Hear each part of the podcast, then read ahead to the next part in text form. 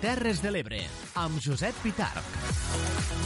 Molt bon dia, salutacions cordials a tots els oients del Dia Terres de l'Ebre. Aquest és un programa, un magazín informatiu que de manera conjunta els oferim cada dia, de dilluns a divendres, sis emissores municipals de ràdio de les nostres terres i també, eh, sobretot, gràcies al treball i a la dedicació de les companyes i companys d'aquestes sis emissores. Són Teri Giné i Clara Seguí a la Plana Ràdio, Núria Mora, Clàudia Ruiz i Javier Falcó a Ràdio Tortosa, Laia Oltra, Francesc Callau i Daniel Rodríguez a la Cala Ràdio, Judit Castells i Jonathan Valls a Ràdio Joventut, Eduard Carmona i Leonor Bertomeu a Ràdio Delta i Tomàs Ginestra, Jordi Galo i Manel Ramon Amposta Ràdio.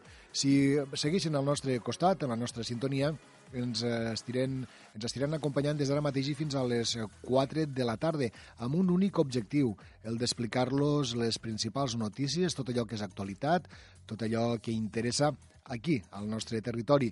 I en un dia com avui, en un dijous 23 de gener, per tant, si ens volen fer costat, ara mateix comencem les notícies. Unes notícies que avui presenten els següents titulars.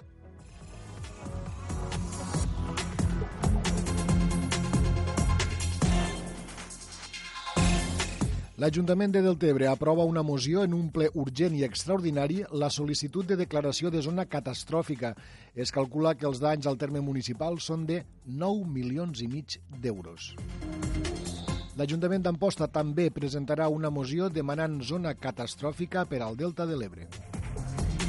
Alcanar igualment demanarà zona catastròfica i l'alcalde assegura que no tenen recursos propis per tal d'afrontar les despeses impotència, ràbia i desencís entre els afectats pel temporal al Delta de l'Ebre. I la tempesta Glòria que encara ha deixat aquest matí la seva petjada en alguns punts de les nostres terres. Per la seva banda, el Col·legi d'Advocats i Advocades de Tortosa es posa a disposició de tots els afectats del territori pel temporal i per la seva banda, la Plataforma en Defensa de l'Ebre denuncia la política hídrica del Ministeri de Medi Ambient i de la Confederació Hidrogràfica de l'Ebro. Deixant aquestes qüestions, avui també els explicarem que l'Arxiu Comarcal del Baix Ebre presenta avui el número 18 de la revista històrica Recerca. L'Ajuntament d'Amposta demana col·laboració veïnal per a l'estudi de la Guerra Civil a la ciutat. La Mella de Mar, l'Ampolla i del Tebre renoven el seu compromís amb l'estació nàutica. L'àrea de promoció econòmica de l'Ajuntament de Tortosa contractarà un total de 40 persones en el marc de tres programes laborals adreçats a col·lectius a l'atur. I també destacarem, dintre de les nostres notícies, que 273 estudiants de la Universitat Oberta de Catalunya es queden sense poder fer els exàmens que s'aplacen pel temporal.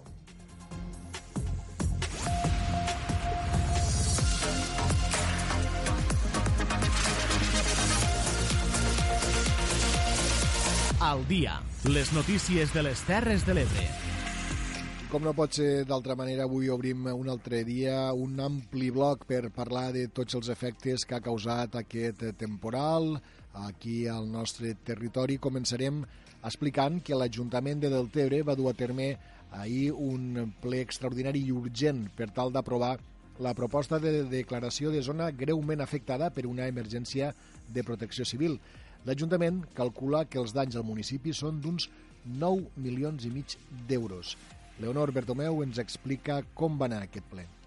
L'Ajuntament de Deltebre ha xifrat en 9,5 milions d'euros el cost de reparar els danys del temporal Glòria. En un ple extraordinari celebrat ahir a la nit, l'Ajuntament va aprovar la proposta de declaració de zona greument afectada per una emergència de protecció civil, el que anteriorment es coneixia com a declaració de zona catastròfica. Al ple, el govern municipal va presentar un informe de valoració dels danys del pas del temporal Glòria pel municipi de Deltebre. L'informe parla de 6.445 metres de platges afectades, 26 metres de línia costanera engolida pel mar en determinats punts, desperfectes en 5.999 metres de desaigües i en 3.834 metres de camins municipals. També ha quedat afectada l'estació de bombament de Pal i hi ha hagut afectacions en 49 carrers i s'han comptabilitzat fins a 33 arbres caiguts, entre d'altres desperfectes. L'alcalde xifrava en 9,5 milions d'euros el cost de la reparació i insistia en reclamar solucions per a la regressió del delta. Les administracions competents passen de les bones voluntats eh, a que ens diguen pues, que fiquen una línia d'ajuts per a determinar pues, que estos eh, aproximadament 9 milions i mig d'euros, que seria la reparació de tot això entre platges i tot el que faria referència a tot el que us he explicat, que pugui eh, recobrir i que no haguéssim d'anar cada any eh, perdent en funció de les llevantades que anem tenint i això també fica de manifest una vegada més i ara de forma molt més flagrant que eh, no poden viure cap llevantada més sense una estructuració d'inversions a lo que seria la nostra costa que permeti mantenir la morfologia del delta el grup municipal d'Esquerra Republicana Més del Tebre va donar suport al govern municipal per la resposta donada davant la situació d'emergència del temporal. A més, el portaveu Joan Alginet va insistir que el temporal ha evidenciat la necessitat d'actuar urgent al Delta. Un temporal que arriba damunt del mal, damunt del mal fet, damunt d'una fragilitat d'un delta que de forma reiterada en anys i anys i en reivindicacions hem anat posant damunt de la taula. Però per tant el mal estava fet i això el que ha posat damunt de la taula eh, és la necessitat urgent, no urgent, sinó imminent d'actuar. Per tant, lo Glòria, lo temporal ho ha evidenciat, però ja fa anys que el mal està fet. I coincidixo plenament en una frase que reivindica moltes vegades l'alcalde del Tebre, que diu que ja és hora de passar de la inacció a l'acció. El portaveu del PSC, Aleix Ferrer, va donar també suport a la petició de zona catastròfica davant els danys ocasionats pel temporal i creu que és hora que l'Estat i la Generalitat es disculpen per la seva inacció al Delta. Mereixem, la gent del Delta mereixem unes disculpes. Unes disculpes des de la Generalitat i des de l'Estat per tots aquests anys d'inactivitat i de passotisme cap a les Terres de l'Ebre. Per tant, jo crec que haurien de començar ja per demanar unes disculpes a la gent del Delta. Crec que ens mereixem. Avui està previst que el subdelegat del govern espanyol, Joan Sabater, visite del Tebre i les zones afectades pel temporal. Gràcies, Leonor. També l'Ajuntament d'Amposta presentarà una moció demanant zona catastròfica per al Delta de l'Ebre. Serà en el proper ple, que en aquest cas tindrà lloc dilluns. Manel Ramon. L'Ajuntament d'Amposta presentarà una moció en el proper ple que celebrarà la Casa Consistorial el dilluns per demanar zona catastròfica al Delta de l'Ebre. L'alcalde d'Amposta, Adam Tomàs, assegura que el terme municipal possiblement no ha estat el més afectat, però que cal demanar aquesta zona catastròfica en solidaritat amb els termes municipals que han rebut més la força d'aquesta borrasca glòria. L'escoltem. Eh, per tant, el balanç al final no és del tot negatiu. Sí que és cert que ha fet bastant de mal també a, al camí de Baladres, no? a la zona d'Eucaliptus, a la, a la barra del Trabucador, i és evident que, que, ja quan m'ho anem a altres poblacions, no? com Sant Jaume, la Illa de Buda, eh, del Tebre, que això m'ho sumarem segurament a la petició de, de zona catastròfica, no tant per l'afectació que ha tingut pel nostre terme municipal, sinó per l'afectació que ha tingut general, general pel Delta. L'alcalde d'Amposta, Adam Tomàs, va acompanyar ahir el president Quim Torra en la seva visita pel Delta de l'Ebre. Recordem també que l'alcalde d'Amposta és l'actual vicepresident de la Diputació de Tarragona, responsable de carreteres, infraestructures que també s'han vist afectades per aquest temporal. I igualment, l'Ajuntament d'Alcanar sol·licitarà la declaració de zona afectada per emergència de protecció civil per tal de fer front al cost de totes les afectacions del temporal Glòria. També eh, l'alcalde segueix reivindicant una solució definitiva per al seu port pesquer. Tere Ginet. Tot i que la quantia no es pot concretar perquè encara estan fent-se les valoracions, segons ens confirmava l'alcalde d'Alcanar, Joan Roig, per al dia Terres de l'Ebre, l'Ajuntament no té recursos propis per tornar a la normalitat. Fins i tot l'orografia d'Alcanar ha canviat. L'escoltem. Bé, eh, el fet és que els danys eh, són tan grans que no tenim per recursos propis per a, per a tornar a la normalitat, sobretot el que fa a l'orografia de, la, de la platja. Ha canviat completament eh, l'orografia de, de la nostra costa, del terme municipal d'Alcanar, degut a la llevantada, per no parlar de que eh, gran part del tram del passeig de les cases eh, és inexistent, o sigui, està totalment tapat pel codolà de la mateixa platja. I, per, i encara em falta valorar les timbes i les afectacions eh, de la zona de Sol de Riu perquè encara no hi hem tingut accés. Per tant, eh, les xifres econòmiques eh, que estem barallant eh, són enormes i no, pot, no tenim prou recursos propis per a fer front a, a, a aquestes incidències. D'altra banda, també ens parlava dels problemes existents al port de les cases. L'orientació del port de les cases s'ha de canviar. No està ben orientat. En aquests temporals, les barques han d'anar a la ràpida no s'han de buscar solucions provisionals, s'ha d'actuar definitivament. I per tant eh, no s'han de buscar solucions provisionals, sinó que fer una inversió eh, de recursos de Port de la Generalitat prou gran per a solucionar aquest problema. Port de la Generalitat ja ha fet alguna publicació dient que properament arribarà aquesta inversió i nosaltres, jo des de l'alcaldia, eh, concretament he fet una carta a Port de la Generalitat demanant la calendarització d'aquestes inversions perquè veiem que són anuncis a nivell eh, de premsa però que no acaba, no acaba d'arribar i per nosaltres és, és sumament important per al negoci pesquer del canal. Roig exigia inversions per al port de les cases, eh, al igual que les que s'estan fent en d'altres ports de Catalunya i que facin inversions al port de les Cases com se fan a altres indrets de Catalunya. I sempre és el mateix.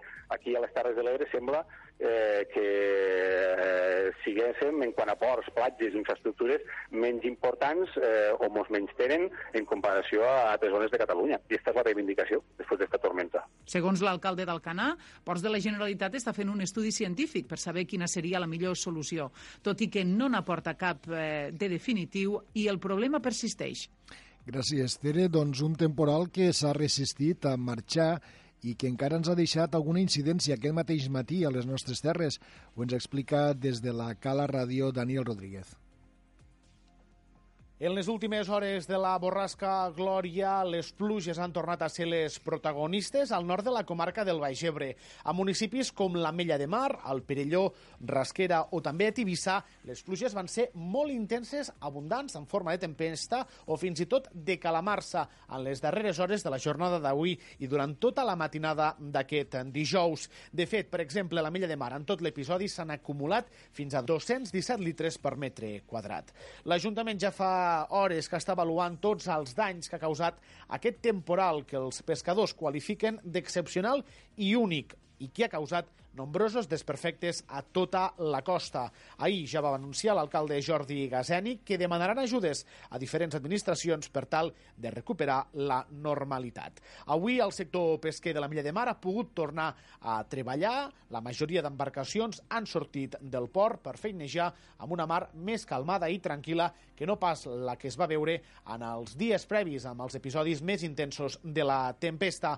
Avui també han tornat la normalitat a les aules després que ahir dimecres es suspenguessin, com a tota la comarca, les classes. Això sí, ahir a la tarda la brigada municipal va haver d'actuar en un parc molt proper de la zona educativa, a l'avinguda de l'1 d'octubre, per tal de retirar els pins que la tempesta havia fet caure i també talar aquells que presentaven un risc imminent de caiguda per tal de garantir i normalitzar la situació al municipi davant de la tornada a la normalitat a les aules. La situació ara és complicada pel que fa als abonats al subministrament elèctric, perquè no n'hi ha en bona part del municipi. Una averia en la línia de mitja tensió causa, a hores d'ara, que centenars d'abonats a la Mella de Mar no tinguin corrent elèctrica. A l'organització Les Tres Cales, on durant les hores més intenses del temporal van estar sense llum, ara en tenen gràcies a un generador elèctric. Per últim, informar d'un avís que ha llançat l'Ajuntament de l'Ampolla i que afecta als exemplars de tonyina roja que es van aparèixer a platges d'aquest municipi, també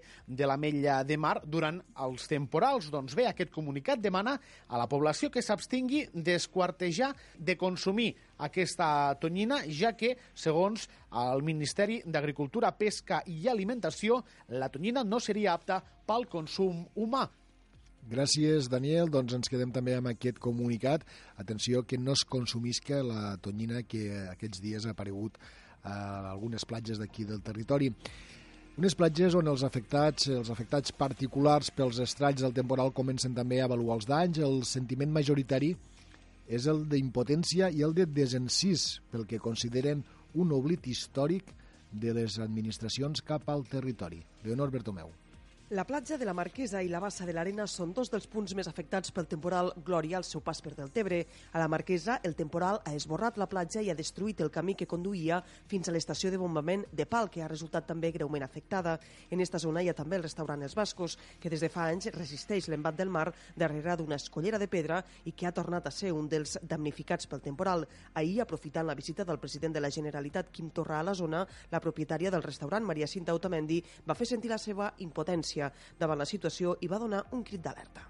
La impotència i la ràbia és brutal. Ningú la pot entendre, només que nosaltres que això és un font de sentiments i, bueno, eh, mos se'n va tot.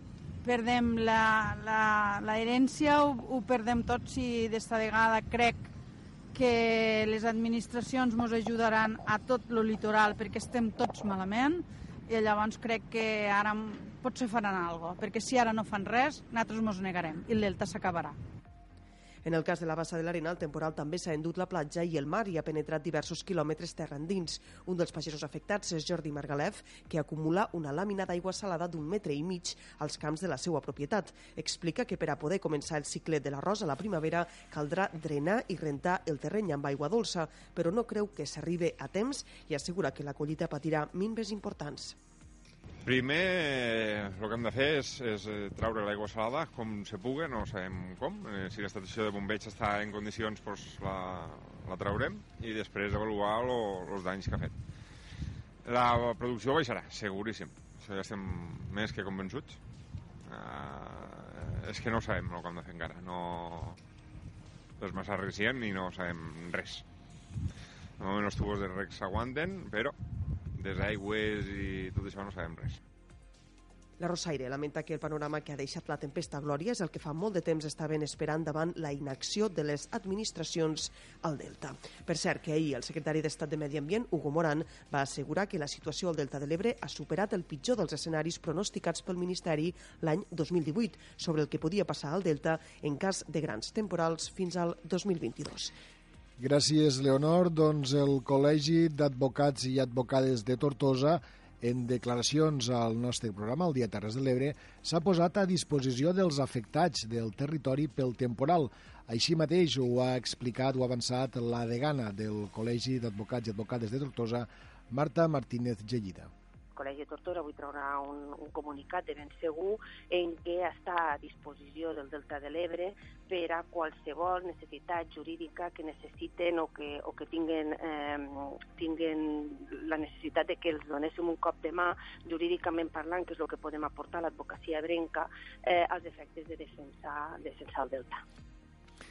I per la seva banda, la Plataforma en Defensa de l'Ebre ha fet públic un comunicat on denuncien la política i la gestió de la Confederació Hidrogràfica de l'Ebro i també del Ministeri de Medi Ambiente del Govern Central, ja que amb els seus planes hidrològicos han ignorat històricament la problemàtica del tram final de l'Ebre.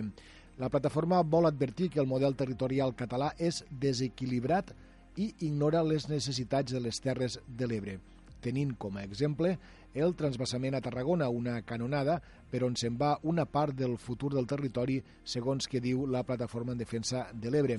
També eh, proposen en aquest comunicat i, eh, que ara és un moment, justament, de fer propostes i debats per poder trobar solucions definitives i, per experiència, diuen, saben de la importància de que els diferents actors socials puguen participar en la presa de decisions ja que està en joc el futur de tota una societat.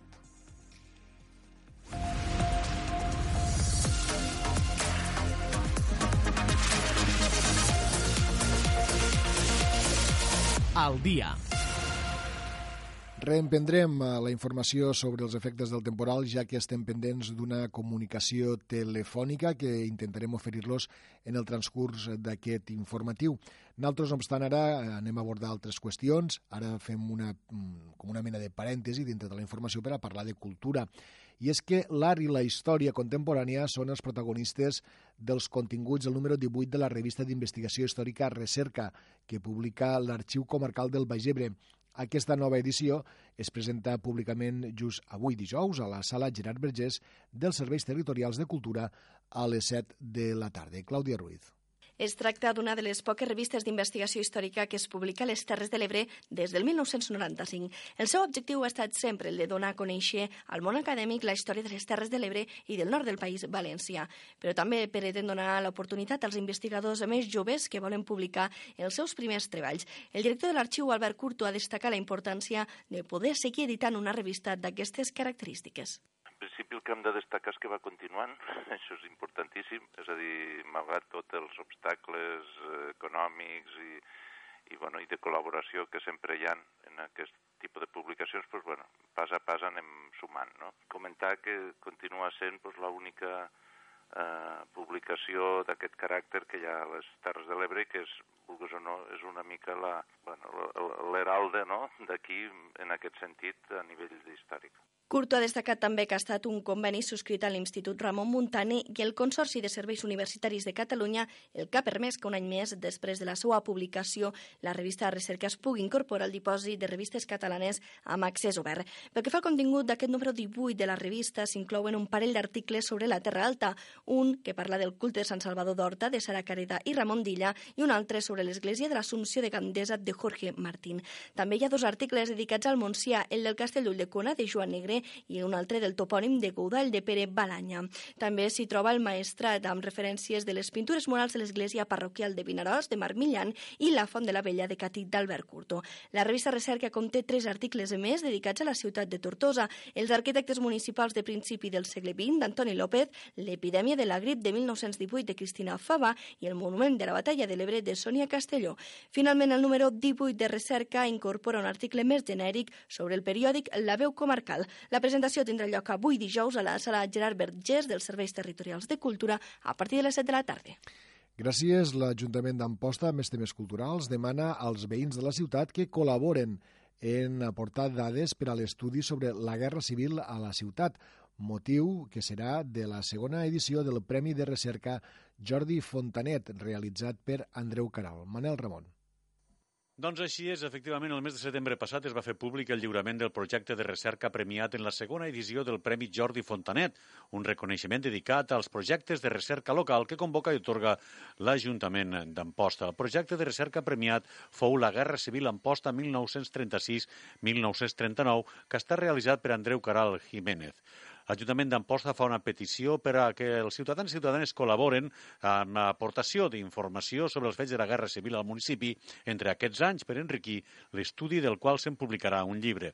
Ho explicava la regidora de Cultura de l'Ajuntament d'Amposta, Inés Martí. Ens interessa informació oral, escrita, eh, records de, de les coses que van passar, documents que pugui tindre la gent, cartes, imatges, dietaris, tot el que jo estic llançant propostes, però segur que hi ha molta gent que té moltes anècdotes que contar i que possiblement també hi ha gent que de vegades també li costa molt contar, però penso que és molt important recuperar part de la nostra història i, i sobretot per a poder-ho... Jo crec que més que també per recuperar, per també poder-ho explicar als, bueno, a, a natros, a la gent més jove i també als nostres fills, perquè al fi al cap és una herència que jo crec que l'hem de, de recuperar. I les persones que disposen d'aquesta informació i vulguin facilitar es poden posar en contacte amb l'autor de l'estudi mitjançant el correu electrònic andreucaralt.gmail.com o demanar més informació a l'àrea de cultura de l'Ajuntament d'Amposta. 27 minuts sobre el punt de la una. Reemprenem les notícies amb, la qual, amb les quals hem obert l'informatiu del dia d'avui referent a l'afectació que el temporal Glòria ha causat a les nostres terres, concretament també a tota la façana litoral i al Delta de l'Ebre, ja que, com hem explicat també a l'informatiu, avui ha visitat in situ aquestes zones afectades el subdelegat del govern a Tarragona, el senyor Joan Sabater, a qui ja saludem. Senyor Sabater, bona tarda. Hola, bona tarda. Bona tarda. Senyor subdelegat, eh, quina valoració fa del, del que avui ha pogut veure in situ? Bé, d'entrada em dic que és preocupant, com que ja sabíem que realment aquest temporal de gregal que després s'ha anat llevantant ha afectat d'una manera important al delta, no? Vull dir, ara bé, bueno, cal, cal ser realistes i valorar realment l'afectació. No tot el delta està afectat igualment, ha afectat més a l'hemidelta nord, al marge esquerre, perquè és això, el vent venia de nord-est inicialment, també l'illa de Buda i en menor mesura a la resta del delta, però hi ha afectacions a tot arreu i sobretot ha afectat a la línia de costa i amb inundacions importants, com ja es coneix. Alguns ajuntaments, el cas del de Deltebre, que ho va fer nit, però també altres han anunciat eh, que ho faran properament, volen, han començat els tràmits per la sol·licitud de declaració de zona catastròfica. Sí, eh, precisament hem estat amb els alcaldes de Sant Jaume d'Enveja i de Deltebre aquest matí, els hem estat comentant això. Dic que, que veurem que això, per suposat, fan molt dels ajuntaments de, de, de posar de manifest la, la situació d'emergència, de, de catàstrofe, si es vol dir així, que, que estan vivint i, per tant, demanar ajudes, que per això estem les administracions superiors i per això hem estat allà i actuarem. No? Ara vull dir que la tipificació d'això que popularment es coneix com a zona catastròfica mm. no existeix com a tal, però és una qüestió administrativa. No? En realitat el que hi ha és que el Consell de Ministres, eh, que pot acordar, i acordarà en aquest cas, sense dubte, eh, una sèrie d'ajudes extraordinàries que es declara una zona d'especial emergència, però vol dir que no és un tipus d'ajudes tipificades, sinó que a cada cas s'adapten al cas concret. Però en el nostre cas tenim un avantatge, i és que amb la dana que va afectar Múrcia aquest any passat es va aprovar un real decret ja d'un paquet d'ajudes que preveu que en situacions d'emergència que s'hagin produït abans del 31 de març, com és el cas de la que ens ocupa el mes de gener, eh, és, el Consell de Ministres pot aprovar l'ampliació i així es farà de l'àmbit d'aplicació d'aquestes ajudes. No? Per tant, la intenció en principi inicial del govern, com manifestava ahir el secretari d'Estat de Medi Ambient Hugo Moran a Barcelona, que vam estar reunits, eh, va manifestar després en roda de premsa, el govern estudiaria l'ampliació d'aquestes ajudes, que entenc que és en definitiva el que s'han demanat als ajuntaments, i a dir, em sembla molt bé que, que posen manifest això i que es dirigeixen al govern d'Espanya, en aquest cas, demanant, demanant en definitiva ajuts extraordinaris. No? Estem parlant d'això que segurament és el més, el més urgent. No obstant, eh, m'agradaria fer una pregunta, sé que és molt difícil, de calat més, més de fons. Eh? En, en la mesura de les competències pròpies del govern de l'Estat, eh, quines mesures es podien posar en marxa per revertir aquesta situació de, vulner de vulnerabilitat que pateix el Delta de l'Ebre? Sí, bé, això és la qüestió de fons, no? Vull dir, ara en, en l'emergència hem explicat als alcaldes i els arribarà una carta nostra demanant una valoració i recordant les línies d'ajuts que han per a emergències immediates i després este paquet d'ajudes més generals, possibles ajudes d'agricultura, etc. No? Ara, una altra cosa és la, la vulnerabilitat, certament, del Delta. És un espai molt fràgil i que l'acceleració, la, com recordava el secretari d'Estat de Medi Ambient, Hugo Moran, l'acceleració del, del, d'alguna manera de tots els efectes del canvi climàtic perquè eh, fenòmens que abans es podien potser cada 100 anys ja es produiran més sovint, no? a part de l'augment general de temperatures i la pujada al nivell del mar. El delta, com coneixem, es va enfonsant progressivament, és un fenomen natural, això no té més, més problema, és el procés de subsidència que es diu, que normalment es reposava amb els sediments que el riu aportava i no només el, el, el delta no disminuïa, sinó que creixia. La manca de sediments ara, més l'augment del nivell del mar, provoca el risc de, de, de que inundacions, i en aquesta llevantada extraordinària ho hem vist, l'aigua pugui penetrar amb força cap a l'interior i això requereix, com coneixen tots els agents del Delta, jo diria que tota la ciutadania del territori, eh, la necessitat d'actuar d'una manera important, contundent, eh, en mesures per a precisament eh, aturar aquesta regressió. L'Administració General de l'Estat hem d'actuar, és una de les zones sensibles, com és el mar, el mar Menor o Estoniana, és de les prioritats del Ministeri per a la transició ecològica i estem participant de la taula de consens del Delta, estem en contacte amb tots els agents, amb municipis, comunitats de regants, cambres agràries i, per tant, participant en la cerca d'una solució. Això no obstant, estem actuant ja directament. Ara estàvem actuant a Buda, protegint la barra litoral per a protegir els calaixos, evidentment la llevantada amb el mes el que estàvem fent, però és que la setmana que ve, sense esperar més, eh, tornarem a actuar en funció de les circumstàncies actuals. També hem actuat en, fent un, ja un tram del camí de guarda a la badia interior dels Alfacs, que anirem ampliant a tot el que és l'entorn del Delta, i eh, no hem parat de fer actuacions, no? però evidentment seguim en aquest diàleg per cercar una solució el més sostenible possible, però també el més eficaç possible per a protegir el Delta i donar tranquil·litat als nostres pobles i a la nostra gent, en definitiva, eh, del Delta de l'Ebre. Una darrera pregunta, senyor Sabater. Eh, vostè sap perfectament, com a ebrenc que és, que hi ha un sentiment històric eh, a les nostres terres d'abandonament per part de les diferents administracions. Bé, sí, és, és cert, no? Vull dir, jo crec que d'alguna manera és un sentiment que, que, que, que respon a una realitat, no?, d'una certa ignorància històrica, no? Vull dir, això ha passat una mica com passa a altres territoris del conjunt d'Espanya, no? Això s'ha fet famós ara perquè han entrat en, en la política activa de Perú alexista, mm. en definitiva de l'Espanya despoblada, i a Catalunya també passa. Jo sempre he dit que mm, a Catalunya, des de Barcelona, quan es mira al rere país, al país rural, allò que els de Barcelona en diuen a pagès, sempre miren cap al nord i no cap al sud, no? Vull dir, i d'alguna manera això ha provocat potser una certa desatenció. Jo crec que ara ens estem fent sentir eh, força, i en qualsevol cas puc eh, garantir que des del govern d'Espanya estem molt present aquesta prioritat del Delta. No és una qüestió de propaganda. Eh, en el poc temps que ha portat l'anterior govern eh, presidit per Pedro Sánchez eh, ha visitat el Delta la ministra de Transició Ecològica, Teresa Rivera, que no ha visitat per, per parlar de fum. És una ministra que, sense secretària d'Estat, ja va actuar al Delta, va fer unes inversions de més de 300 milions d'euros amb l'adquisició de la finca de Bombita, entre altres, coneix el Delta i va estar reunida amb tots els agents del territori. Ha visitat també el secretari d'Estat, Hugo Morán, ha estat la delegada delegada del govern i, per suposat, jo com a subdelegat moltes vegades només en un any mig. Vull dir que estem molt pendents del Delta, hi ha molt d'interès per eh, mirar de, de treballar pel territori i de cercar-ne solucions, igual que pel conjunt de les Terres de l'Ebre i pel conjunt de la província de Tarragona. Senyor Joan Sabater, subdelegat del govern a Tarragona, no li volem fer perdre més temps en aquest cas perquè sabem que ha interromput una, una reunió per atendre la nostra trucada, fet que li agraïm moltíssim i li agraïm també que avui ens hagi donat una mica les pistes eh, de com pot evolucionar la situació, almenys administrativa, pel que fa en aquest, en aquest temporal, en aquest desastre que, que hem patit aquí al nostre territori. Moltíssimes gràcies. Molt bé, gràcies a vostès per l'interès.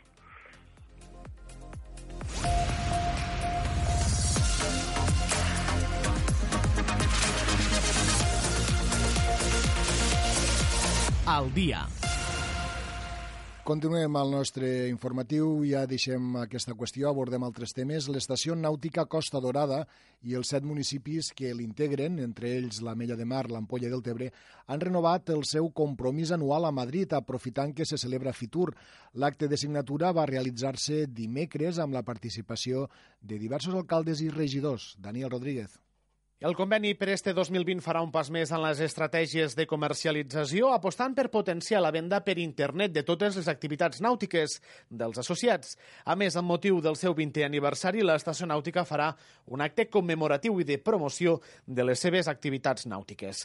En l'acte de signatura del conveni per enguany hi van participar els regidors de turisme de la Milla de Mar, Maite Boquera i de Deltebre Projecció, Carlos Serra, que han parlat de la importància d'incrementar la projecció turística en un sector clau per al desenvolupament eh, turístic com és el nàutic. La nostra voluntat és continuar apostant decididament per l'estació nàutica de la Costa Dorada perquè creiem que és una eina imprescindible per promocionar el conjunt del nostre territori i la singularitat de cadascun dels nostres municipis de la mà de les empreses.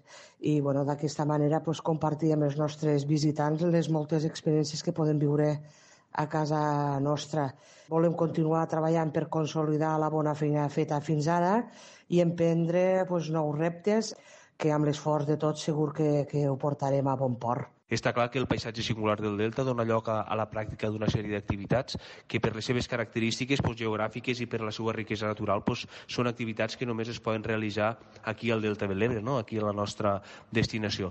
Però tot i tindre aquesta, aquesta riquesa, aquest gran potencial turístic, mm, de res servís no? si no es fa un gran esforç per promocionar-lo. I tot i que el Delta de l'Ebre pues, cada vegada és més conegut, cal seguir treballant no? i unificar esforços per donar a conèixer totes les possibilitats que té. Per tant, aquesta, aquest conveni, aquesta formalització en el conveni amb l'estació nàutica, pues, eh, això ens ha permès fer un pas endavant com a municipi del Tebre i més enllà de, de promoure el nostre territori i el nostre municipi, pues, també permet als nostres empresaris turístics arribar pues, a un gran públic per vendre les activitats que ofereixen. L'estació nàutica Costa Daurada està formada pels set municipis que es troben situats al golf de Sant Jordi, Salou, Cambrils, Montroig del Camp, Vandellós i l'Hospitalet de l'Infant, la Milla de Mar, l'Ampolla i del Tebre, una gran àrea de 90 quilòmetres cas de vingut al domini nàutic més gran de Catalunya. Gràcies, gràcies Daniel. Nosaltres abordem altres temes. L'àrea de promoció econòmica de l'Ajuntament de Tortosa ha contractat un total de 40 persones en el marc de tres programes laborals adreçats a col·lectius a l'atur. La contractació de gent s'ampliarà en les properes setmanes amb el programa Treball als barris. Clàudia Ruiz. Aquests programes estan subvencionats pel Servei d'Ocupació de Catalunya. Concretament, 24 d'aquestes persones contractades s'inscriuen dins el programa Treball i Formació, mitjançant el qual duran a terme treballs de caràcter públic i d'interès social, al mateix temps que desenvoluparan una activitat formativa professionalitzadora. Els llocs de treball es reparteixen entre 16 peons d'escomeses múltiples, 5 auxiliars administratius, dos conserges i un coordinador. D'aquests 16 contractes tenen una durada de 6 mesos i els 6 restants s'allargaran durant un any. Un altre dels programes és Enfeina't, que suposa la contractació durant tot un any d'11 persones en situació d'atur de llarga durada. L'objectiu és facilitar-los la inserció laboral, proporcionant-los un contracte laboral i un acompanyament de reforç al llarg de tot el període de la contractació. En aquest cas, els perfils corresponen a un agent comunitari en projecte de prevenció de la pobresa energètica, un informador turístic, set administratius, un informador d'esports i un tècnic de seguiment. De la mateixa manera, el programa de garantia juvenil la suposa la contractació durant sis mesos de 5 persones a temps complet en modalitat de pràctiques. El regidor de promoció econòmica de Tortosa ha valorat molt positivament aquestes contractacions. L'escoltem. eh, per a l'Ajuntament de Tortosa i per aquesta àrea és una, un orgull poder treballar per a dinamitzar la, el treball dins de la nostra ciutat i donar oportunitats aquelles persones joves pues, que després de finalitzar els seus estudis eh, busquen una, una experiència laboral o aquelles persones que estan en situació d'atur pues, poder-los donar també una, una possibilitat de formar-se i conèixer altres sectors per a poder-se una altra vegada insertar dins del món laboral. Al llarg del febrer s'hi sumaran 44 contractes més corresponents al programa Treball als barris, que també compta amb una subvenció del SOC. Actualment aquest programa té obert el procés de selecció i en pocs dies es formalitzaran les contractacions. Del total, 10 llocs de treball corresponen a tasques de pintura, mentre que la resta de tasques s'emmarquen en accions al conjunt del nucli antic. Gràcies, Clàudia. Més temes, 273 estudiants de la UOC, de la Universitat Oberta de Catalunya, s'han quedat sense poder fer els exàmens a causa del temporal. La Universitat Oberta de Catalunya a Tortosa està ara reprogramant un per un els exàmens de cada estudiant. Algunes proves de validació es faran virtualment. Tere Giner. Efectivament, Josep, en total foren uns 273 estudiants de la UOC Terres de l'Ebre els afectats eh, per aquesta cancel·lació dels exàmens que va decidir-se a darrera hora de dimarts i va comunicar-se a tots els estudiants a les 11 de la nit mitjançant un correu electrònic. Al comunicat, la Universitat Oberta de Catalunya donava l'opció de desplaçar-se fins als centres de Reus o Castelló, malgrat que el temporal no propiciava aquests desplaçaments. Escoltem Pere Clotet, coordinador coordinador dels exàmens de la regió de les Terres de l'Ebre.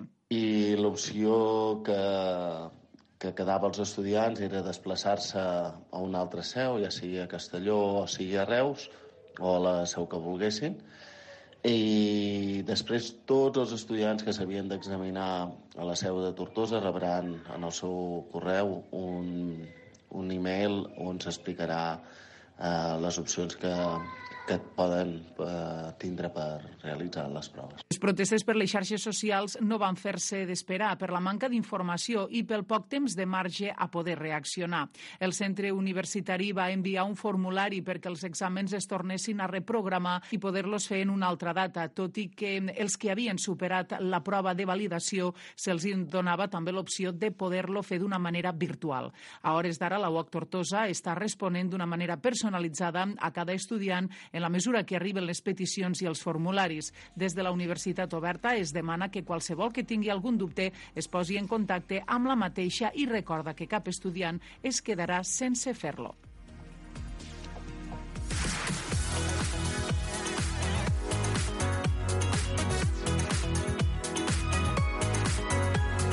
El dia Terres de l'Ebre, amb Josep Pitarc.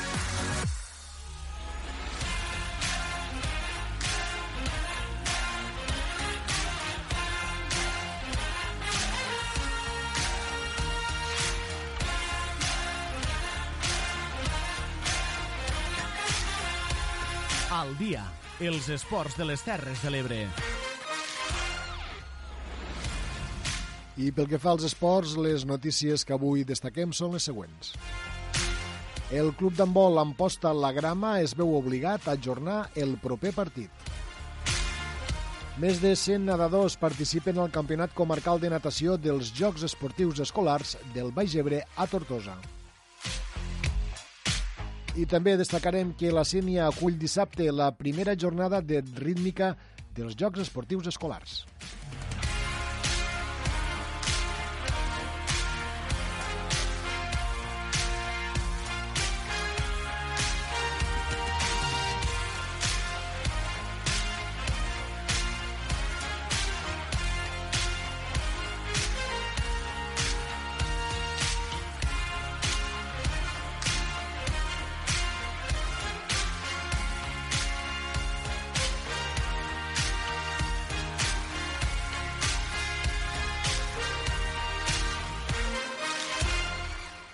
Com els dèiem, el club d'handbol Amposta la Grama s'ha vist obligat a ajornar el proper partit de les causes.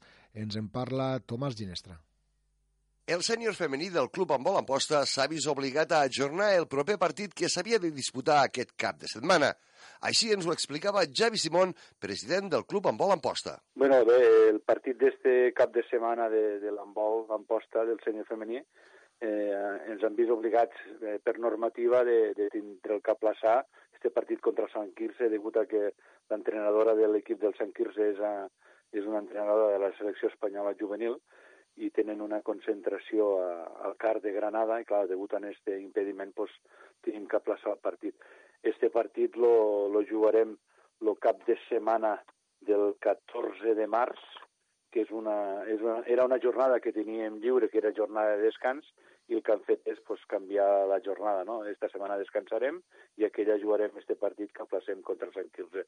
És, és una mesura d'ús obligatori ja que és una cosa de, de selecció espanyola. Així, el primer partit de l'Amposta a la Grama serà el dissabte, dia 1 de febrer, contra l'Embol Sant Joan d'Espí, partit que es disputarà a casa a partir de les 7 de la tarda.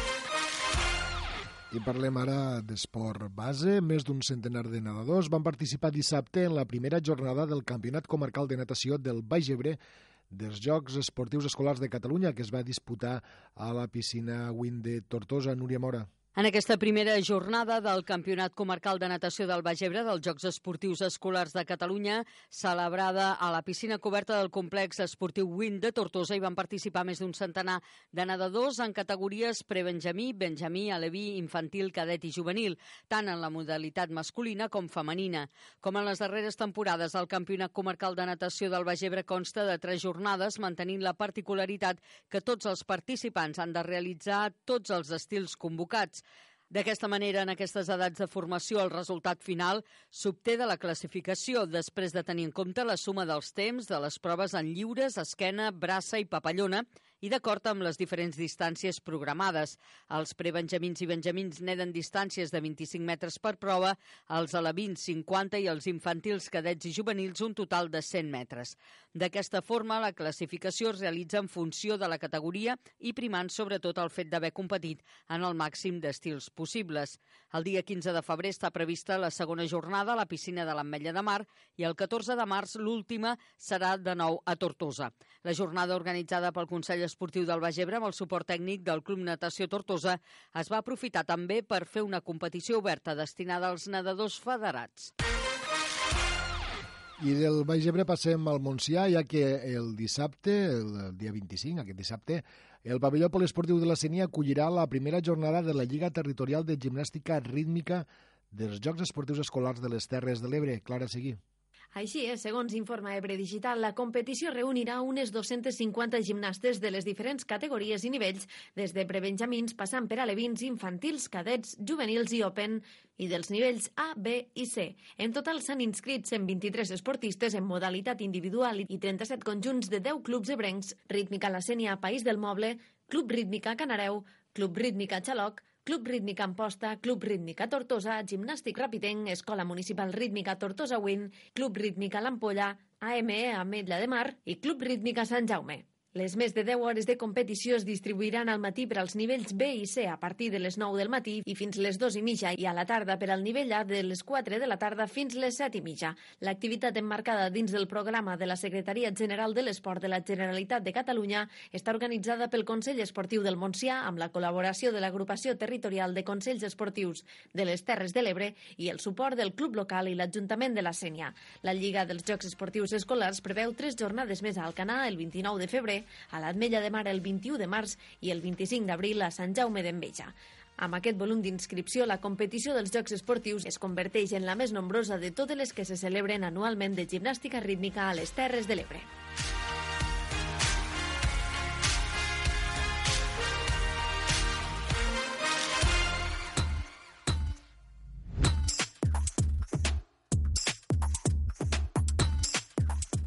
Entrant ja en la recta final de les notícies, tenim encara 9 minuts per tal de fer un repàs de l'actualitat, un repàs que farem en aquest cas eh, en format digital. Anem a veure el que diuen els diferents mitjans.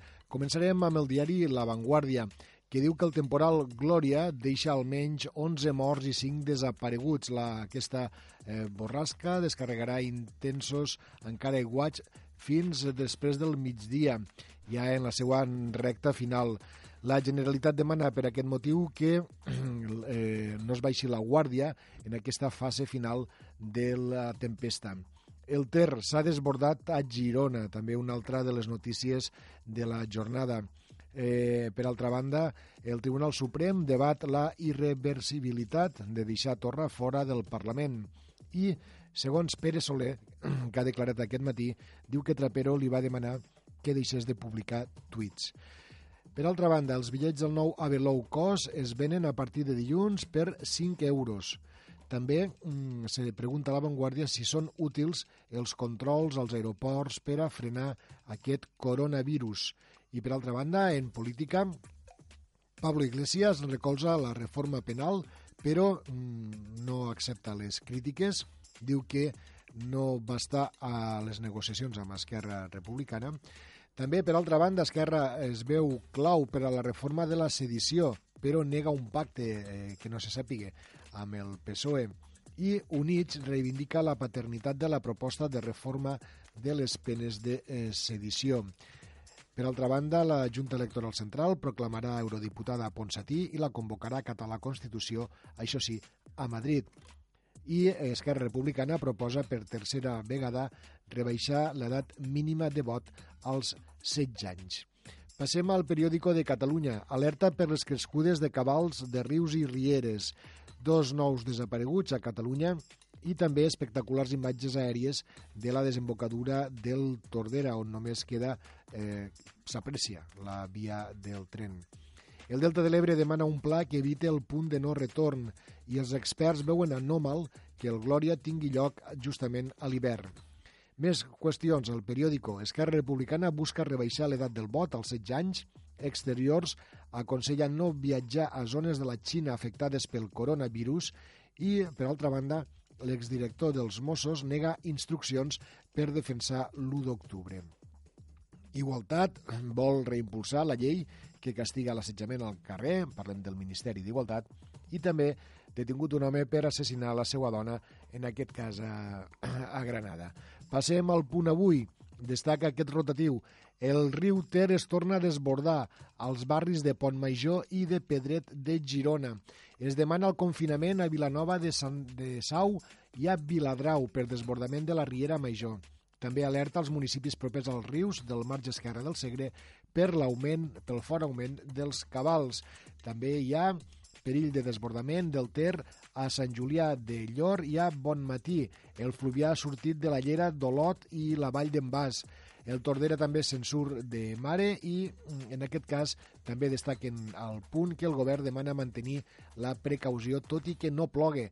El sistema Sausus queda està al màxim i s'esperen cabals de fins a 1.300 metres cúbics per segon. Més qüestions al punt. Busquen dos nous desapareguts pel temporal a Jorba i a Cabassers i del Tebre demana al govern espanyol la declaració de zona catastròfica. I passant ja a la informació de les nostres terres, veiem el que ens expliquen a l'Ebre Digital, el diari digital del canal Terres de l'Ebre. La plataforma en defensa de l'Ebre fa una crida a trobar solucions definitives per al Delta de l'Ebre comptant amb els actors socials.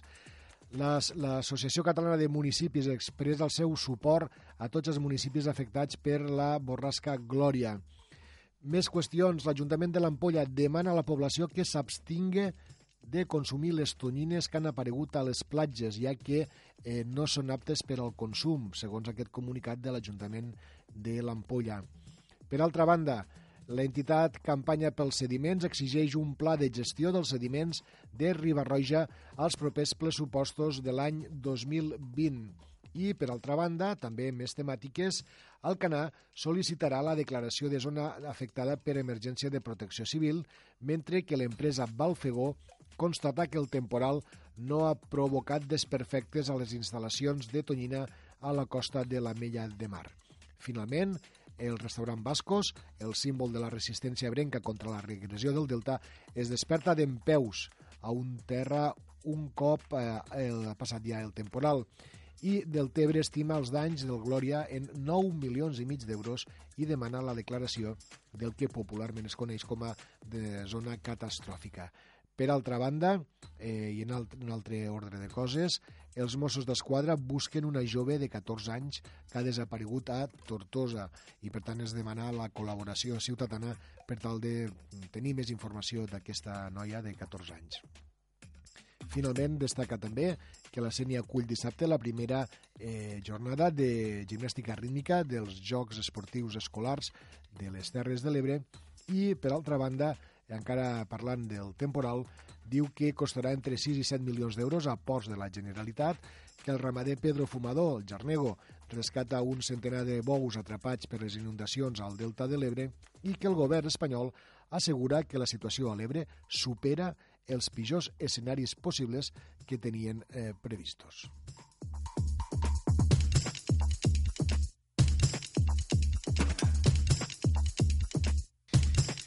I després d'aquesta hora, pràcticament una hora d'informació territorial, anem a fer ara una petita aturada, anem a escoltar un tema musical i recorden, després tenim la desconnexió publicitària i la, la informació continua, en aquest cas de la mà de la xarxa de comunicació local, que ens oferirà a partir de les 2 el seu butlletí horari.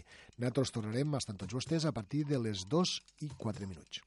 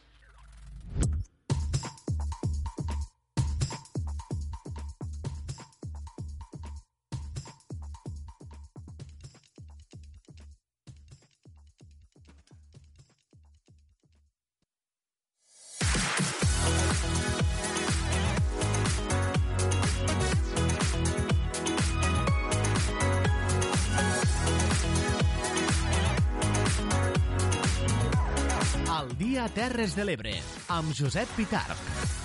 Com els havíem dit, 4 minuts sobre el punt de les 2, tornem a estar amb tots vostès. Això és el programa El dia Terres de l'Ebre, un magazín informatiu de ràdio que de manera conjunta fem des de sis emissores municipals d'aquí del nostre, de les nostres terres, des de la Plana Ràdio Santa Bàrbara, des de Ràdio Tortosa, des de la Cala Ràdio a la Mella de Mar, Ràdio Joventut a Mas d'Enverge, Ràdio Delta a Deltebre i també des d'Amposta Ràdio. A la primera hora hem escoltat eh, totes les notícies eh, que hi ha al nostre territori, unes notícies que ara el recordarem presentant-los també els següents titulars.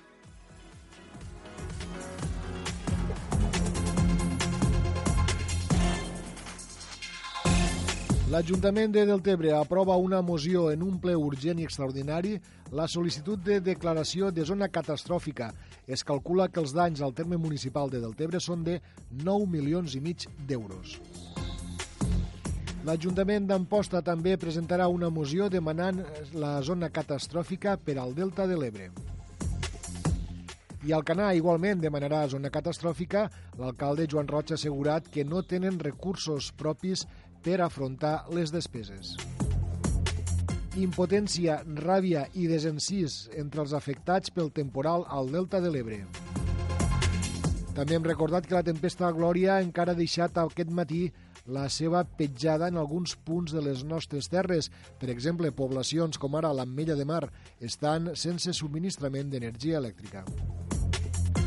El Col·legi d'Advocats i Advocades de Tortosa es posa a disposició de tots els afectats del territori pel temporal i per la seva banda la Plataforma en Defensa de l'Ebre denuncia la política hídrica del Ministeri de Medi Ambiente i de la Confederació Hidrogràfica de l'Ebro. En un altre ordre de coses, avui hem destacat que l'Arxiu Comarcal del Baix Ebre presentarà avui el número 18 de la revista històrica Recerca. L'Ajuntament d'Amposta demana col·laboració veïnal per a l'estudi de la Guerra Civil a la ciutat.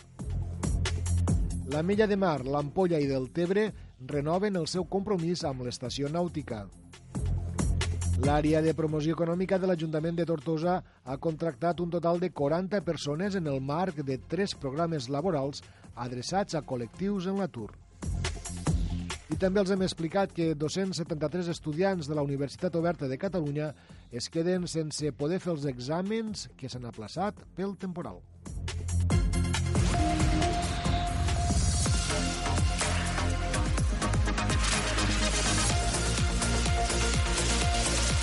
al dia. I això és el que ens ha deixat un 23 de gener. I ara el que volem, a través de la secció que cada dia ens ofereix Maria Barberà, el que volem, deia, és conèixer què va passar tal dia com avui, què va passar un 23 de gener de fa anys.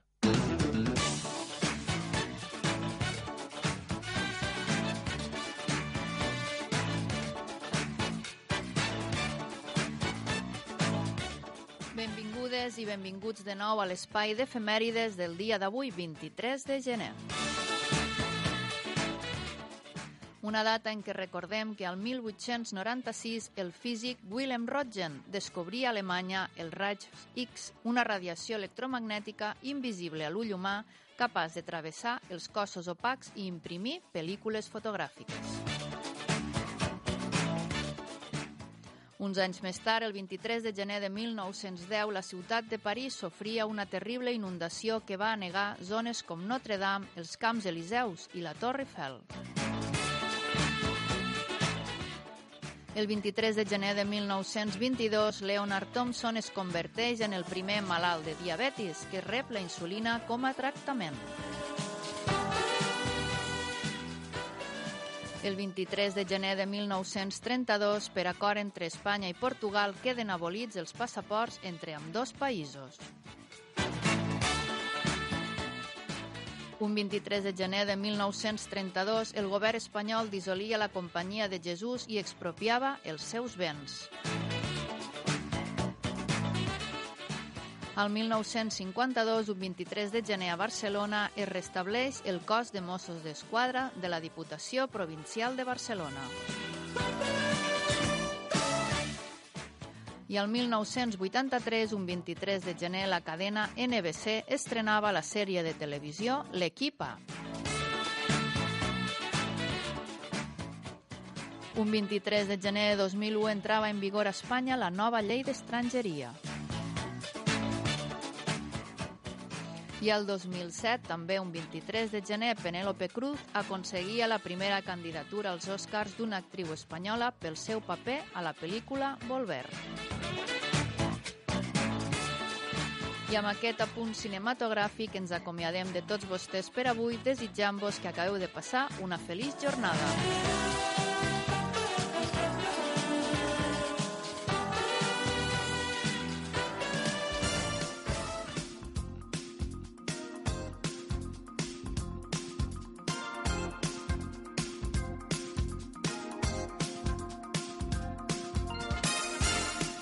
Quan són 10 els minuts que passen del punt de les 2 de la tarda, iniciem ja eh, una altra de les seccions habituals del nostre programa, la secció de Poble en Poble. I en aquesta secció, des de Ràdio Tortosa, la nostra companya Clàudia Ruiz ens acostarà als actes que se celebren a la capital del Baix Ebre en motiu de la celebració de Sant Gil de Federic. Clàudia, explica. El cap de setmana passat, concretament els dies 17 i 19 de gener, es van donar per iniciades les festes solidàries de Sant Francesc Gil de Frederic, que organitzen des de l'associació que porta el mateix nom. Avui hem convidat el seu president, Joan Otero, per parlar d'aquestes festes que continuen amb activitats aquest cap de setmana, així com descobrir una miqueta més aquesta associació de Tortosa. Molt bon dia, Joan, i benvingut. Bon dia, bona tarda. Molt bé. Bé, parlem abans, si li sembla, de l'associació. Des de quan es troba en funcionament i també què els va impulsar a crear-la? Sí, bueno, això, eh, l'associació té, és jove, té 8 anys, i la, la intenció de, de crear-la va ser la, la repercussió i donar, i donar veu al, al, sant, al sant tortosí, Sant Francesc Gil de Frederic, no? Que vull dir eh, que a vegades doncs, pots presumir de moltes coses, però una ciutat com Tortosa, doncs, per exemple, tindre un sant doncs, és, és un orgull a nivell de lo que és la, la, la part religiosa i la part de, dels, dels creients, no? que és la, la, l'escaló més alt del que pugui tindre una persona dins de la Iglesia. Sí. Mm. Per tant, creieu que potser no se li donava prou valor a aquesta figura? Eh, penso que sí, efectivament. Ja, a poc a poc eh, passen, lo, passen els anys, eh, estem per altres, eh, per altres coses de, de, de lo que ens porta la societat i se, se va, se va pues, eh, diluint una miqueta la figura. Que, no obstant, eh, Sant Francesc Gil de Frederic tenia festes a, a Tortosa, se tancaven els comerços el dia, el dia del Sant, no? i era pues, tornar a reivindicar una miqueta la, la figura, ja des d'una vessant pues, una miqueta més eh, solidària, eh? eh, mm -hmm. humil, però solidària de, de cara a Tortosa i als tortosins. Sí. Molt bé, perquè quanta gent s'hi troba ara mateix al darrere d'aquesta associació? Bueno, és que som eh, al voltant, pues, tots són voluntaris, no? que eh, pues, podem estar sobre la vintena, eh, de, eh, pues, gent de totes les edats i de, i de totes les condicions i que bueno, pues, mos llancem esta, eh, esta setmana per a fer aquestes coses. Uh -huh. I en poden arribar a formar part més gent? Com ho pot fer?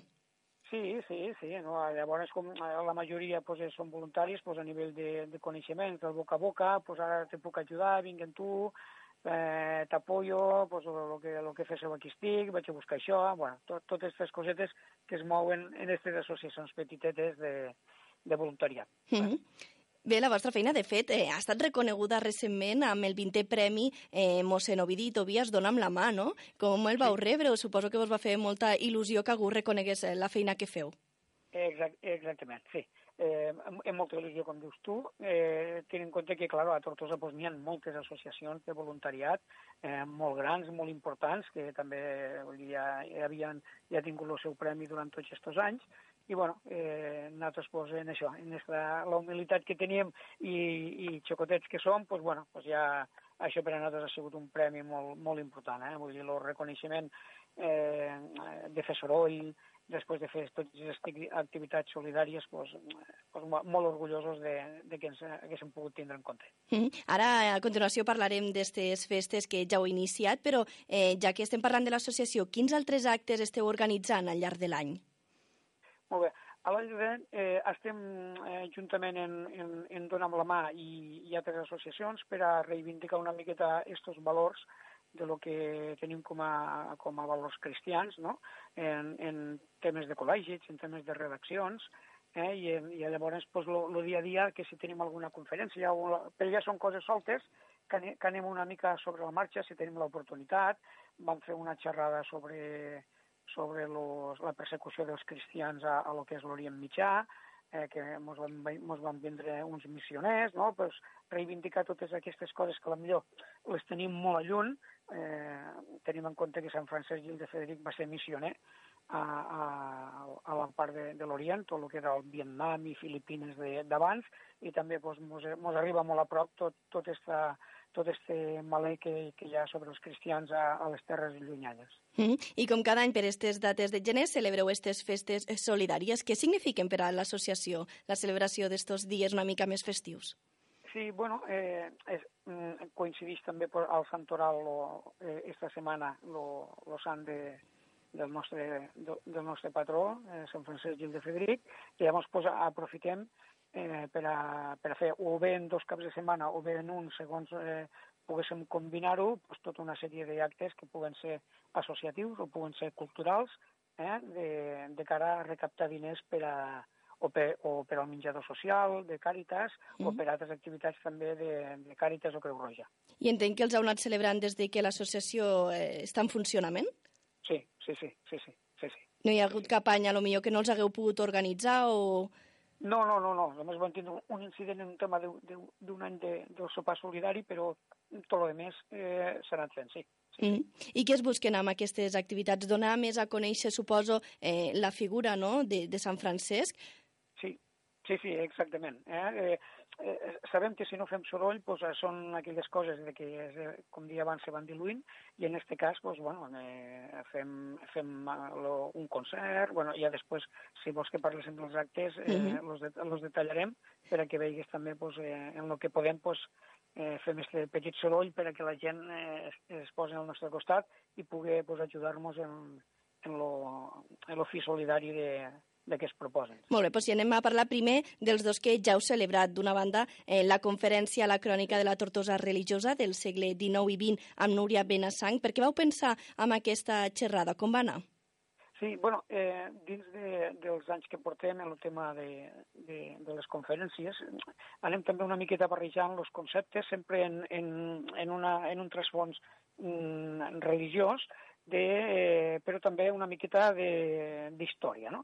Eh, ne vam fer sobre, sobre la, la, religió, la religiositat de, de Tortosa des de, des de l'inici, no? de, des de la seva fundació, n'han fet eh, hasta de temes eh, psicològics de, de lo que és a la persona lo emprendre, uh -huh. perquè no, no deixem de que un missioner quan se'n va, per, eh, se'n va a missions, eh, estem parlant del segle del segle XVIII eh, allí a, a l'altre món, eh, no deixa de ser una aventura, és un emprendre i s'ho deixa tot eh, ell estava situat, era professor, vull dir, i, se, i se'n va, i, i, i s'ho deixa tot, pues, en, en aquest cas també, pues, a un nivell de persona o d'empresari, pues, també vam parlar sobre els valors d'emprendre, i ara, en aquest cas, pues, bueno, eh, sabem que als eh, finals del segle XIX i del XX hi havia molt de moviment associatiu, eh, cultural derivat del tema religiós a Tortosa, en moltes o, ordens religioses, eh, en, eh, tenim aquí la casa,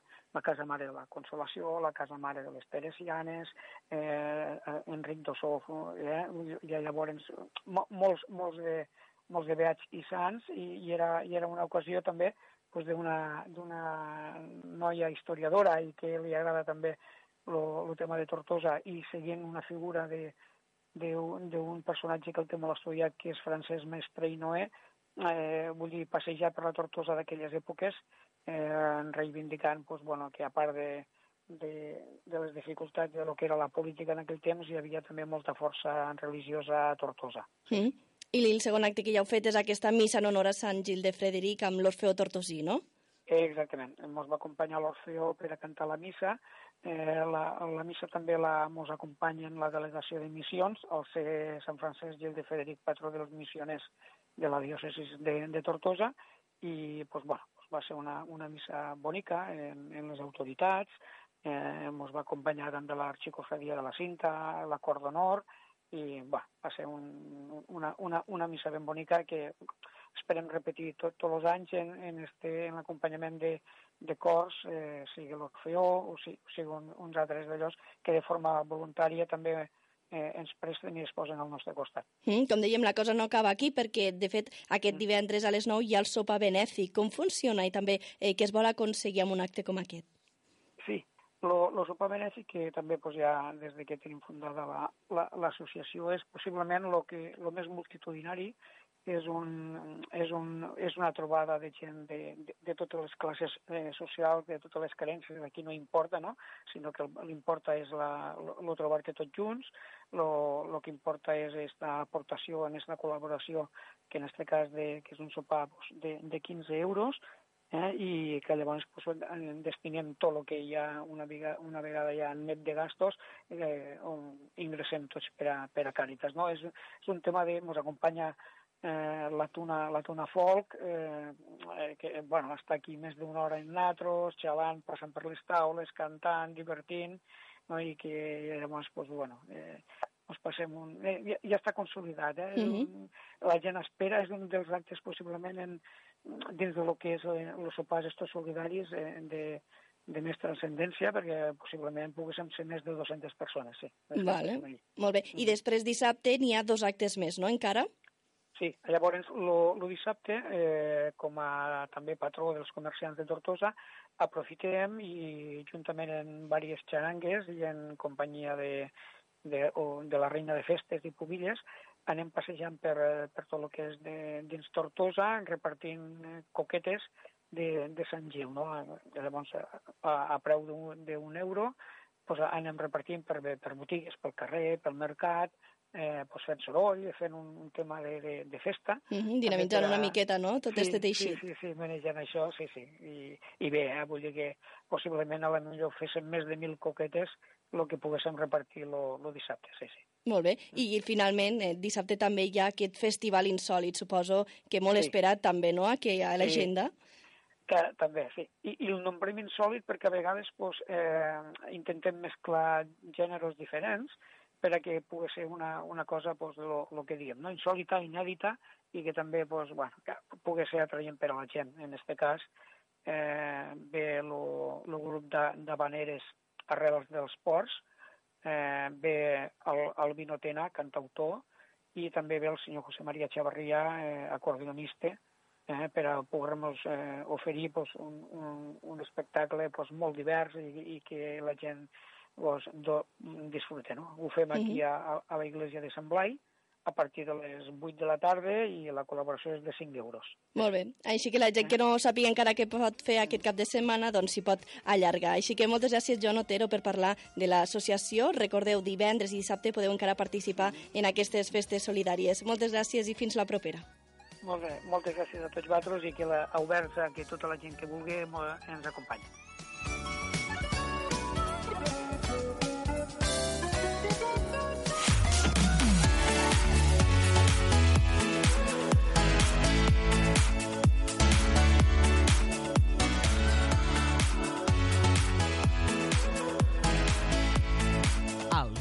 L'agenda de les Terres de l'Ebre.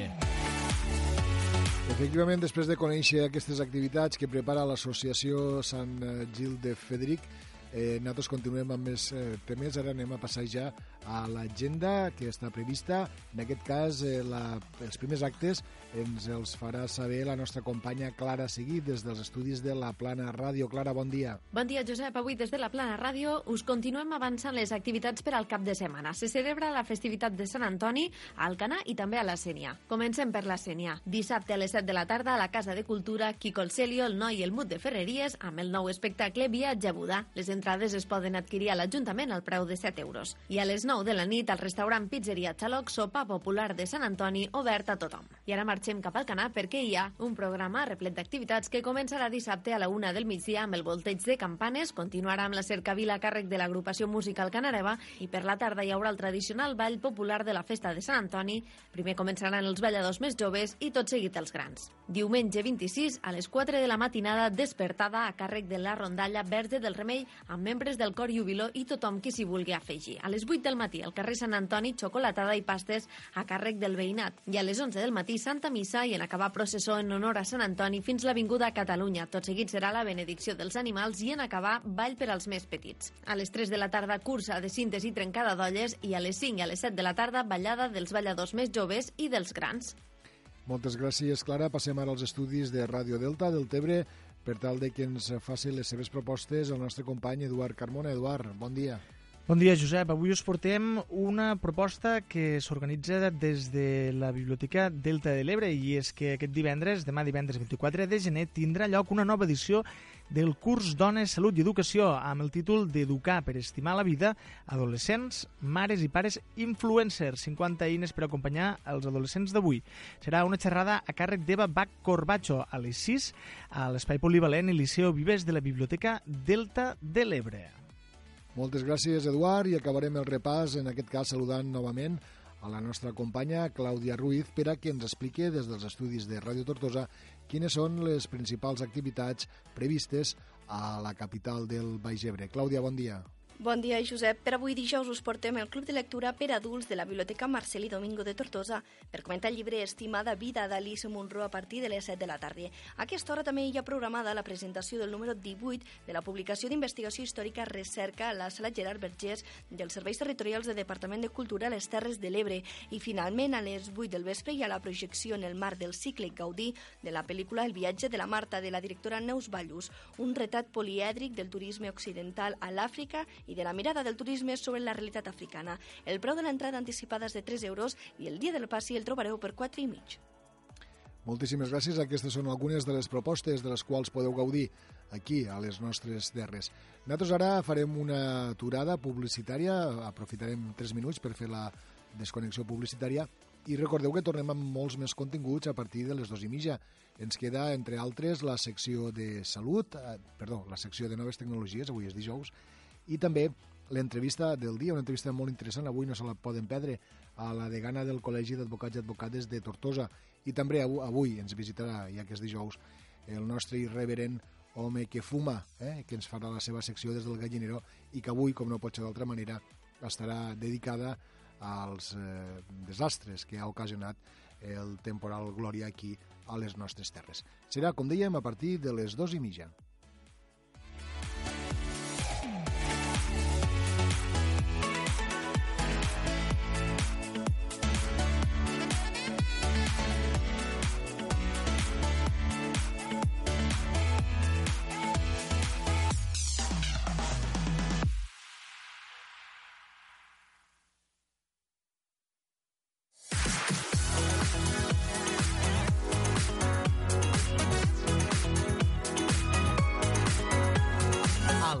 Terres de l'Ebre, amb Josep Pitarc.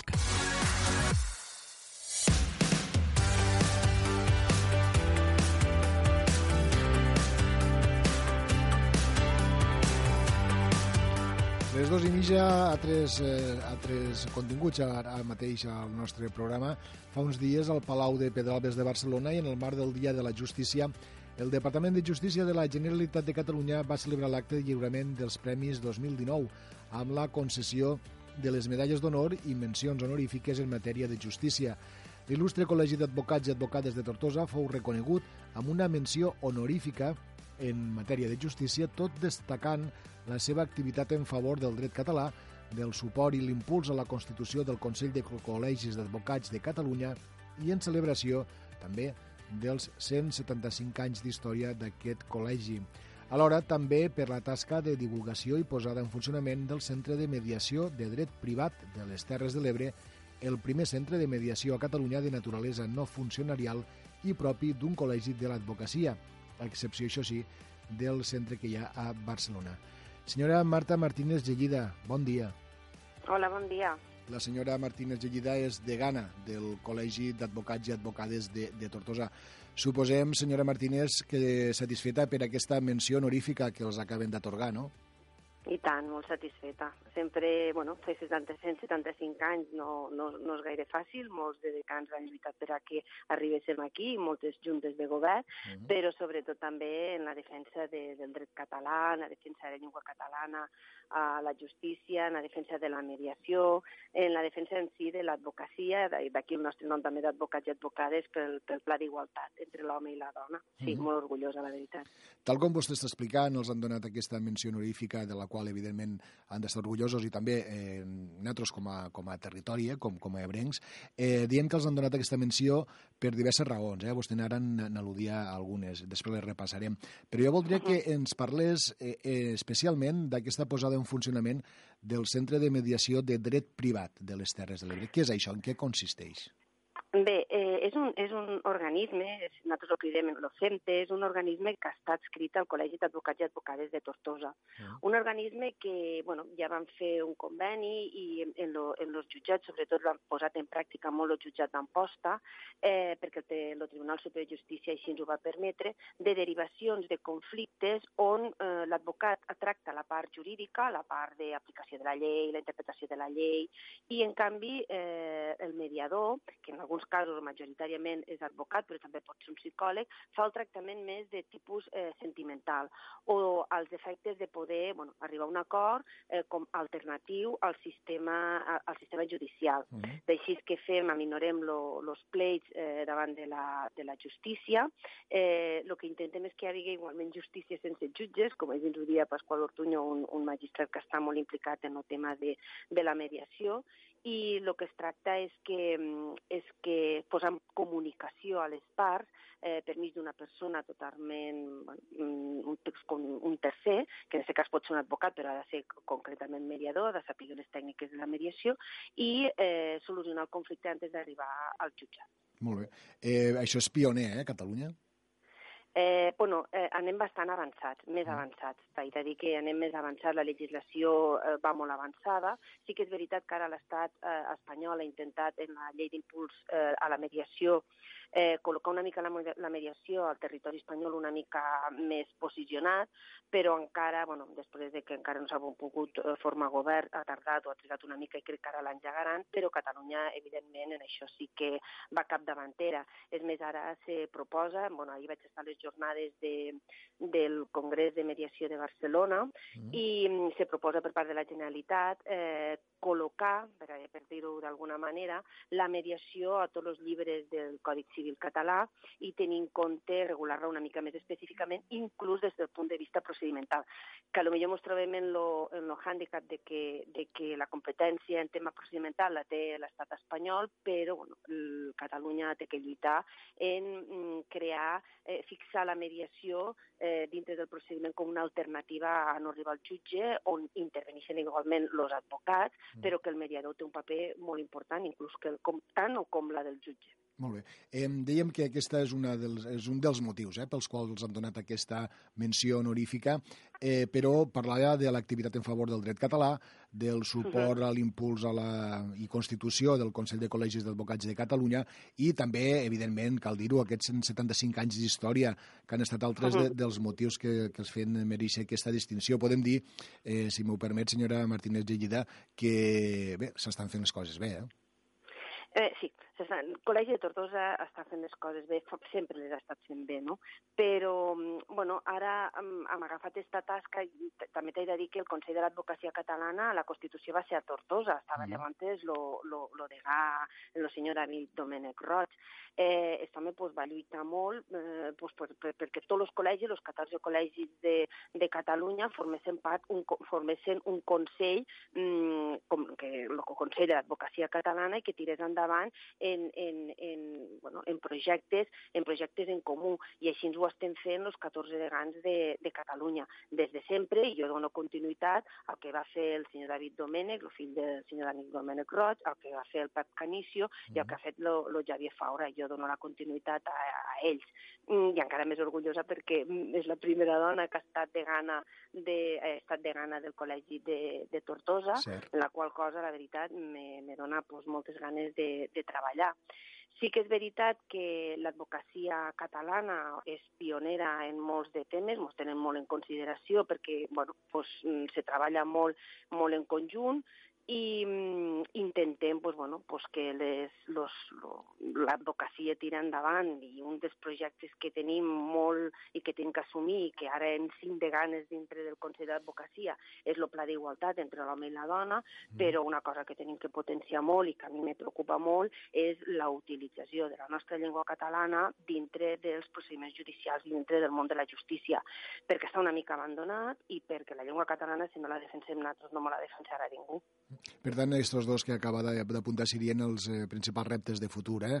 eh uh -huh. La igualtat dintre del món de l'advocacia, entre uh -huh. la igualtat entre gèneres, i també la defensa de l'ús del català en els diferents procediments. Eh, ens queda un minut, no sé si ràpidament ens pot apuntar algun altre objectiu de futur. Bueno, ara mm, anem treballant, estem creant comissions, hem creat ara, estem muntant ja la Comissió de Drets Humans, una cosa que sí que la portàvem dintre, la teníem més o menys encapçalada per un membre de Junta dintre del Consell d'Advocacia Catalana, però ja toca que el Col·legi de Tortosa tingui una pròpia Comissió de Drets Humans a l'hora de que facin les manifestacions que tinguin que fer respecte als mateixos. No? I després m'agradaria afegir que el Col·legi de Tortosa avui traurà un, un comunicat de ben segur en què està a disposició del Delta de l'Ebre per a qualsevol necessitat jurídica que necessiten o que, o que tinguen, eh, tinguen la necessitat de que els donéssim un cop de mà, jurídicament parlant, que és el que podem aportar a l'advocacia brenca, eh, als efectes de defensar, de defensar el delta. Doncs ens quedem també amb, aquesta, amb, aquesta, amb aquest oferiment eh, que fan des del Col·legi d'Advocats i Advocades de, de Tortosa.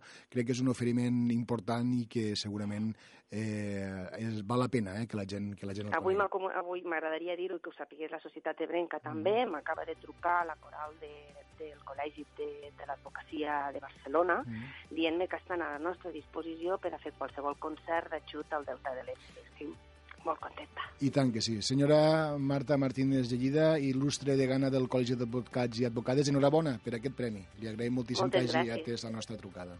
Moltes gràcies.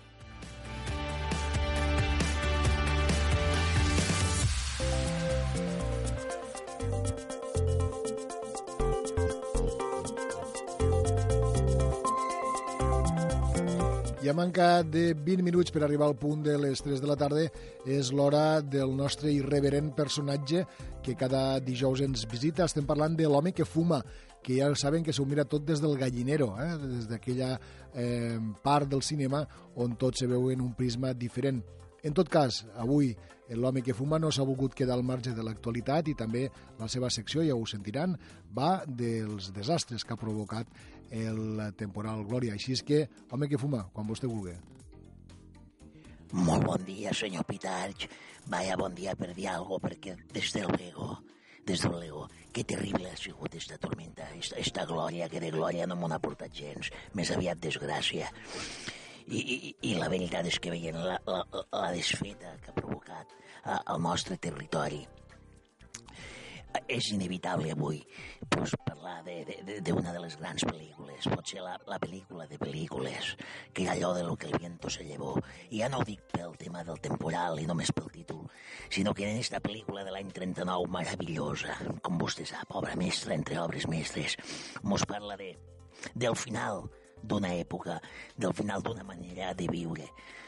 Un final que esperem que no sigui per culpa d'esta tormenta i d'este calentament global que, que, que ens ha calenta de, de, de mala manera a tots. Lo final de la vida, de, de, de, de la manera de viure de molta gent que viu de, del Delta i de la seva meravellosa riquesa. En, en, en aquest any 39 vostè es figurarà que, que, que, que, que la pel·lícula, pues bueno, ja sap, quasi 4 hores de culebrón, no inacabable, perquè és una pel·lícula meravellosa, no cal ni dir-ho, però una pel·lícula que va tindre hasta tres directors eh, diferents. El, de fet, la va acabar fir, fir, firmant Víctor Fleming, que és, per a que ho sàpiga, el director del Mago de Oz, el director del Mago de Oz, sap? Que el van llogar a última hora, perquè lo, David Oselnik, que era el productor, que era un productor d'estos tiranos d'aquell temps, pues va despedir a George Cukor, que era el, el, el, el director que estava dirigint la pel·lícula. De fet, moltes escenes de la pel·lícula estan fetes per George Cukor. Però la qüestió és que a Clark Gable no li agradava, no li agradava lo, lo, lo director este, sobretot, deixem-ho dir, perquè era homosexual. I a Clark Gable, pues, los homosexuals no li feien gràcia. Eren altres temps, vostè ja sap. Lo que ningú diu és que qui no podia en Clark Gable era l'Escarlata O'Hara, Vivian Leigh, perquè cada vegada que el tenia que besar diu que l'alè li apestava en aquell home. És a dir, que lo besito molt romàntic en pantalla, però es veu que en viu feia fredat, feia fredat de fe i de voler. Més cosetes sobre aquesta pel·lícula. Mire, pa que vegi Clark Gable contra els homosexuals i en general la societat americana contra la gent negra, Vostè sap que hi ha un paperàs allí dins de la pel·lícula que és lo de Hattie McDaniel, que és la que fa de mami, aquella que tots hem, hem imitat alguna vegada, senyorita Carlata, senyorita Escarlata. Bueno, pues sí, tot l'Òscar Panella, tot el que vulguin, però a l'estrena de la pel·lícula que es va fer a Georgia, la pobra dona no va poder entrar al cine i no va poder entrar per a veure l'estrena de la pel·lícula on ella havia participat. I és que allí a l'estat, aquell dels Estats Units, estava prohibit los cines per a blancs i negres allí tots junts. Així que van aplicar la llei i la pobra dona es va quedar sense poder veure la seva pròpia estrena. I si algo m'ha cridat sempre la curiositat d'esta pel·lícula de lo que el viento se llevó és com va poder guanyar 8 Oscars de les 13 nominacions, rècord absolut en aquell temps, ja s'ho pot figurar, però que en cap, en cap d'estes 8 premiacions de l'Oscar estés inclosa la banda sonora. Per l'amor de Déu, és que la banda sonora de Lo que el viento se llevó, na, na, na, na, na, na, na, na, res, esta que la tenim tots al cap, que la coneix hasta, hasta els crios recient nascuts la reconeixen pues no, no va guanyar l'Oscar, perquè vegi, perquè vegi el que són les coses. Pel·lícula, per cert, si tenim en compte la inflació dels anys i dels temps, més taquillera de la història del cine, en 3.800 milions de dòlars recaudats en taquilla, per damunt d'Avatar, Endgame i, i tota aquesta patolea.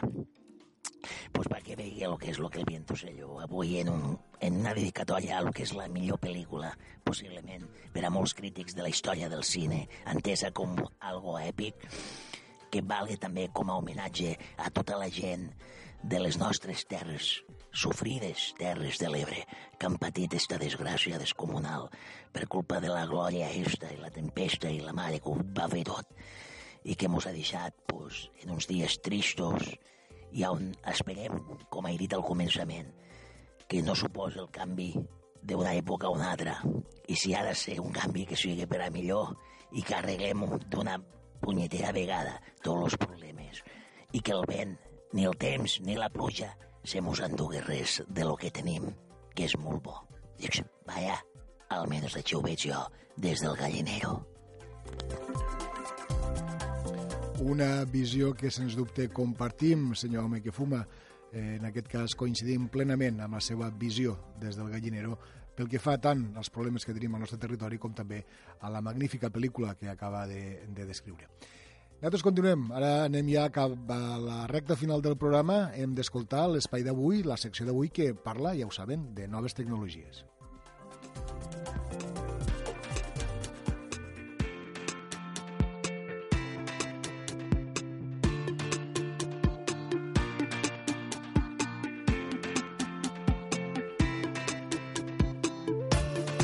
Avui a l'espai TIC ens fan memòria, ens recorden que tots disposem d'un DNI electrònic, però el tenim tots activat? En coneixem més detalls de la mà de la nostra companya Teri Gine. Endavant, com vulguis. Bé, efectivament, continuem nosaltres a l'Espai TIC, aquest espai dedicat a parlar i aprofundir sobre temes relacionats amb les noves tecnologies, eh, sobre qüestions diverses, com per exemple la que avui abordarem. I és curiós perquè de vegades jo dic que aquest espai ens ajuda a fer una miqueta de memòria i a recordar, per exemple, eh, que disposem d'un DNI electrònic. De fet, eh, jo Mm, no sé si l'he utilitzat mai, segurament que molt poques vegades, i això que sempre fem aquest espai per anar recordant tots aquests, eh, tots aquests canvis que, que s'estan produint i aquests serveis que, que en l'actualitat tenim o aquests eh, nous sistemes eh, d'identificació digital. Eh, Mercè, benvinguda, gràcies per acompanyar-nos. Hola, bon dia. Mercè Fortes de l'Espai TIC d'aquí de Santa Bàrbara i avui anem a parlar d'això. Abans de parlar del, DN, del DNI electrònic, possiblement hauríem de parlar dels certificats electrònics, no? Sí, podem recordar que en altres programes ja n'han parlat, però bueno, que un certificat digital seria el document digital mitjançant el qual un tercer confiable garanteix la vinculació entre una persona i la identitat de la seva, del seu certificat digital. És a dir, seria la versió digitalitzada, electrònica, del que coneixem com a DNI, que és el que ens identifica com a persona única i en unes dades concretes a l'hora de fer segons quins tràmits que, mos, que requereixen la teua identificació sigui física o sigui digital. Uh -huh.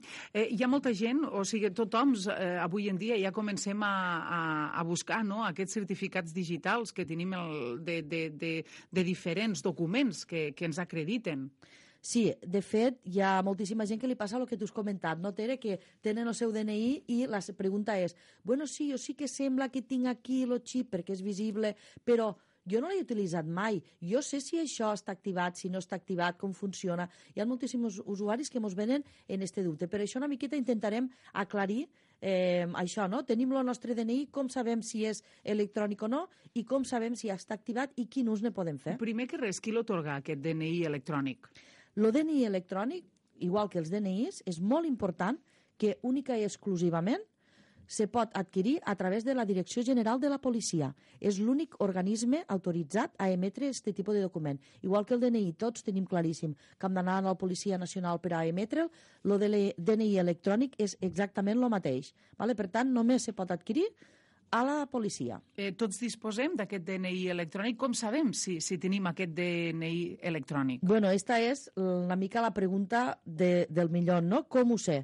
És molt fàcil eh, identificar si el meu DNI és electrònic o no, ja que físicament podem visualitzar el que coneixem com a xip. Hi ha dues versions de DNIs electrònics. Els primers que van sortint, que se dien els DNI-E, que portaven, portaven el seu, el seu xip que era en un lateral i que es toca físicament, se, és palpable, i després van evolucionar i està l'ODNI, el 3.0, vale? que també porta l'ODNI, que a més a més, eh, la diferència principal seria de que la primera versió només se podia utilitzar introduint en un targeter, en un lector, el que és el DNI, en canvi la versió 3.0 ja porta també el xip inalàmbric, ¿vale? Mhm. això que el, que el contactless que passem i pues, no és necessari introduir el DNI dins d'un targeter. D'acord. Llavors, com sabem si aquest DNI està activat? És a dir, o que podem utilitzar-lo? Bueno, de fet, eh, a la majoria de gent o molta gent quan li van donar el DNI, li van donar també un paperet en la clau, però que tothom este paperet lo va guardar allí al sobre o en un calaix i mai en la vida l'han obert. Vale? Llavors, pues ja podem pressuposar que el nostre DNI electrònic no està activat. A llavors, eh, el que ens cal fer és adreçar-nos a la Policia Nacional i allí informar de que volem activar el nostre DNI electrònic. Hi ha unes màquines, si algú ha fet el tràmit, allí a l'entrada tenen unes, unes màquines que ta, hi ha un policia que sempre te fa l'acompanyament en, la, en el tràmit i te fan introduir allí lo, lo DNI. No és necessari tindre cita prèvia per a realitzar aquesta activació perquè és un moment, s'introduís el DNI allí i se van seguint uns passos i automàticament queda activat el DNI electrònic. I a partir d'aquell te fan introduir una contrasenya i el teu usuari serà el teu DNI i la contrasenya la que tu hagués introduït. I a partir d'aquell moment tots els tràmits electrònics que requereixin o permetin l'ús de la teva identificació digital, pues, podràs accedir a través d'internet i no te caldrà pues, anar físicament a realitzar aquell tràmit. És a dir, bàsicament, eh, aquests eh, DN DNIs electrònics els activem per a poder treballar mm, eh, per a poder treballar per internet, precisament, amb, amb temes diversos, no? com per exemple quins, que és el que podem fer? Bueno, hi ha moltíssims tràmits. Avui en dia sabeu que ja des de, des de fa ja quasi bé un any la, la llei va, va obligar no, que les administracions posin a disposició de tots els usuaris la seva plataforma electrònica, la, la seva possibilitat de, de realitzar els tràmits a través de plataformes eh, per internet. Ah, llavors, hi ha molts d'estos tràmits que requereixen la teva identificació. Per exemple, l'obtenció d'alguns tipus de certificats, que certificats de, mm, diferents de la Seguretat Social, del Ministeri d'Hisenda, eh, de la Generalitat, alguns tipus de tràmits, com ara, per exemple, sol·licituds de beques, sol·licituds d'ajuts, eh, sol·licituds de jubilacions, eh, sol·licituds de maternitats, tots aquest tipus de tràmits que avui en dia ja se poden realitzar a través d'internet, necessiten o requereixen de la identificació del, de l'usuari. I llavors necessitem un certificat. Un d'estos certificats que tenim a la nostra disposició i que tothom tenim és el DNI. Per tant, és una opció activar-nos el DNI i automàticament ja disposarem d'un certificat digital. Uh -huh. Jo amb tot això, Mercè, tinc un problema gestionar les contrasenyes, eh, gestionar la contrasenya de, del DNI electrònic, gestionar la contrasenya del teu correu. De, de, eh, un dia d'aquests hem de parlar de, de com podem... Sembla que, que ho hem comentat algun cop, però és que al final acumulem tantes contrasenyes que ja no saps ben bé eh, i, i després de, de molt de temps, si no ho utilitzes, perquè de vegades també ens passa això, no? Eh, que tenim una contrasenya, que estem, som usuaris de tal lloc o de tal altre. Després d'un temps sense utilitzar-ho, ja no recordes aquella contrasenya, no? Tota la raó, tota la raó. És un tema una mica bueno, complex, eh? simplement cada un ha de fer una mica l'estratègia per a recordar les diferents contrasenyes que fica o tindre un registre d'aquestes contrasenyes, però evidentment este, este registre no mos val un paperet apuntat a la cartera a la vora del DNI perquè llavors perdem tota la seguretat, sinó que caldria algun altre tipus d'estratègia per a, a nosaltres tinguéssim, pues bueno, no? poder consultar les contrasenyes que ens anem posant. Però, bueno, sí, Tere, sembla un tema molt interessant, que dona molt de joc, i en tot cas un dia podem aprofitar i ampliar i donar alguns trucos no? i algunes estratègies pues, per a això, per a poder utilitzar contrasenyes segures i no oblidar-les, que és molt important. Eh, anem a acabar, ja que estàvem parlant del DNI electrònic, quatre, eh, les recomanacions que tu fas a la gent que encara no el té, què són les, eh, aquests conceptes bàsics que ha de tindre en compte i què és el que ha de fer? Recomanat, eh, sobretot, anar i activar-te el certificat o el DNI electrònic, a partir d'aquí sí ja sabrem que el podrem utilitzar, i, sobretot, una miqueta a través de la xarxa hi ha moltíssims tràmits que podem i consultes que podem fer, provar d'utilitzar-lo, acostumbrar-nos a fer-ne ús, ja que ens oferirà més avantatges que inconvenients, I, i bueno, una vegada més, inclusió digital, 100%, sí o sí. Per tant, recomano que tothom se l'active i que prove de fer neus. Moltes gràcies, com cada setmana, per anar fent memòria de tots aquests serveis que, que disposem en l'àmbit digital. Fins la propera. Fins la propera.